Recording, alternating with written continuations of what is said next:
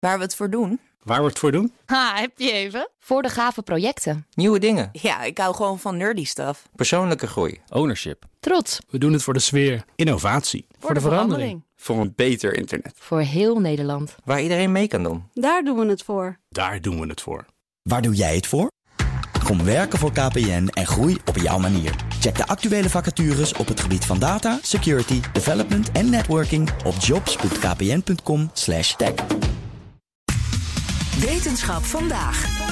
Deze hele week gaat het in de zomerserie van deze rubriek over het lichaam. En we beginnen helemaal bij het begin, namelijk bij de geboorte.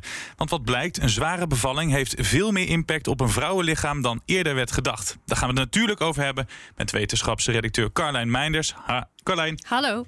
Ja, en je gaat het hebben over de bevalling met twee mannen. Dat moeten we er wel gelijk eerlijk bij vertellen. Ja, ik mis nu even eh, iemand die het ook herkent in Ja, de studio. het is- we maar gaan dat het zo geeft proberen. Eh, waar moet ik aan denken bij een zware bevalling? In dit geval hebben we het over zwangerschapsvergiftiging. Onderzoeker Shahinda Gossijn van de Universiteit Maastricht wilde eigenlijk gynaecoloog worden, maar raakte gefascineerd door de onderzoekskant.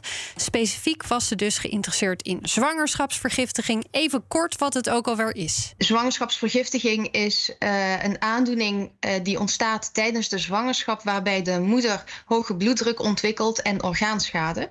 Vaak uitzicht dat in een te klein groeiend kind of eh, eiwitverlies eh, via de urine. En dat ontstaat na de 20 weken van de zwangerschap. Ja, en de cijfers wisselen een beetje, maar dit zou bij ongeveer 10 tot 15 procent van de vrouwen voorkomen. In Nederland gaat het om 17.000 eh, mensen per jaar. Dat is echt fors. Ja. Ehm, als ik een persoonlijke vraag mag stellen, hoe was het bij jou? Want jij bent ook zwanger geweest. Dat mag. Eh, ik had die verhoogde eiwitten ook waarschijnlijk door een beginnende zwangerschapsvergiftiging. Dus toen ik hoorde dat eigenlijk al een tijdje bekend is dat deze complicatie tijdens de zwangerschap een link heeft met hart- en vaatziekten op latere leeftijd. Het gaat zelfs om een eh twee tot zeven keer hogere kans. Dacht ik, wat? Eh, hoezo weet ik dit niet eens? Waarom is niemand hierover begonnen? Nou, dat dacht Gosijn dus ook. Men dacht heel lang dat je die aandoening ook behandelt zodra de moeder bevalt. Dus dat de placenta het probleem was. En als de placenta eruit is, het kind eruit is, dat daarmee de moeder genezen was. Maar ja, niks bleek minder waar. Eh, met name na die observatie dat zo'n 15 tot 20 jaar later deze vrouwen zo'n verhoogd risico hebben op een hartinfarct en een herseninfarct. En nu vroeg ik me tijdens mijn onderzoek af, waardoor komt dat? Is dat nou die zwangerschap?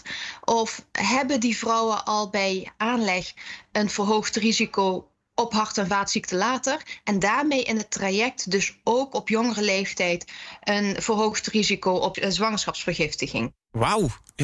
Een vriendin van mij heeft dit tot twee keer toe gehad bij alle twee de kinderen. Dus die moet ik dit nu gaan vertellen. Dat denk ik wel. Ja. Ja. En hoe ga je zoiets eh, bekijken? Want het lijkt me niet makkelijk om erachter te komen waar het nu allemaal begint. Nee, nee, is zeker niet makkelijk. Waar ze eigenlijk naar is gaan kijken, wat verandert er nou precies in het lichaam tijdens een zwangerschap? En is dat dan anders bij vrouwen met problemen tijdens de zwangerschap?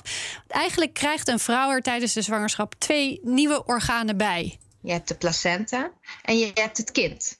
En beide groeien ontzettend snel tijdens die eerste fase van de zwangerschap. En je lichaam die, eh, moet beide organen van bloed voorzien. En daarmee maakt het lichaam van de vrouw tijdens de zwangerschap tot 30% meer bloed aan.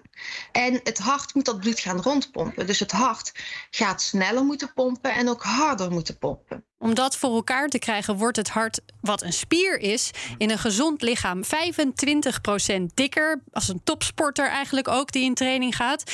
De vaten moeten dat extra bloed en die extra stress ook weer opvangen. Die moeten uitzetten, maar als dat niet lukt, dan stijgt de bloeddruk. Dus En als die bloeddruk stijgt, is dat dan ook de oorzaak voor die zwangerschapsvergiftiging? Dat is dus een hele ingewikkelde vraag. Heeft iemand van zichzelf vaten die dit niet goed kunnen en verklaart dat dan mogelijk ook dat hogere risico op latere leeftijd?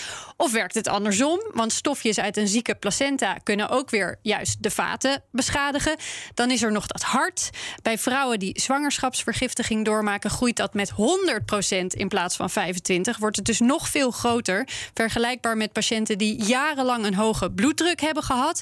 Was er dan al iets mis met dat hart? Komt het ergens anders door? Ze zag bijvoorbeeld ook dat plakophoping in zieke placenta's te zien is. Die lijkt op de plakformatie in het hart bij een hartaanval. Oh, nou, dat klinkt niet echt uh, lekker. Nee, nee, nee. Dus uh, goed dat daar beter naar gekeken wordt. Wat toch zijn in ieder geval dacht... misschien is zo'n placenta dan heel interessant om als basis te gebruiken voor... welke vrouwen moeten we extra goed in de gaten gaan houden... en bij wie moeten we misschien nu al ingrijpen. Niet iedereen met zwangerschapsvergiftiging krijgt later een hartaanval... Maar deze informatie kan helpen bij het inschatten wie wel een hoger risico lopen. Want die informatie, daar wordt nu op dit moment niet naar gekeken?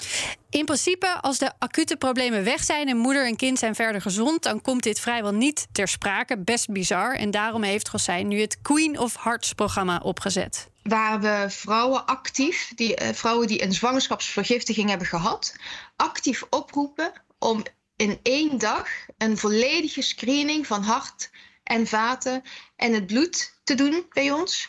In de categorie van een half jaar na de bevalling tot 30 jaar na de bevalling. We hebben inmiddels 1700 vrouwen geïncludeerd. Daar mogen er nog wel wat bij. Dus, dus herken je dit of weet je iemand in je omgeving die dit heeft meegemaakt, meld dit vooral.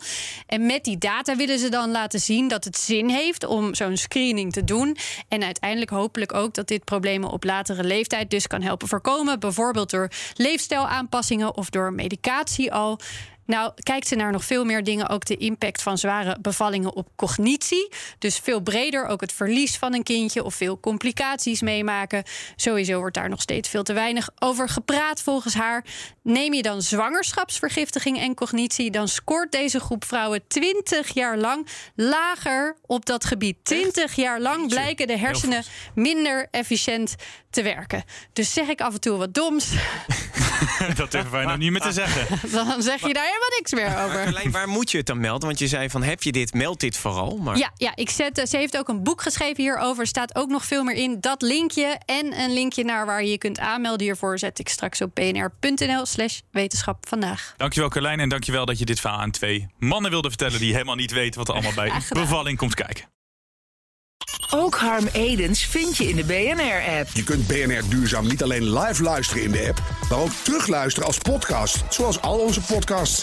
En naast dat de BNR-app Breaking News meldt, houden we je ook op de hoogte van het laatste zakelijke nieuws. Download nu de gratis BNR-app en blijf scherp.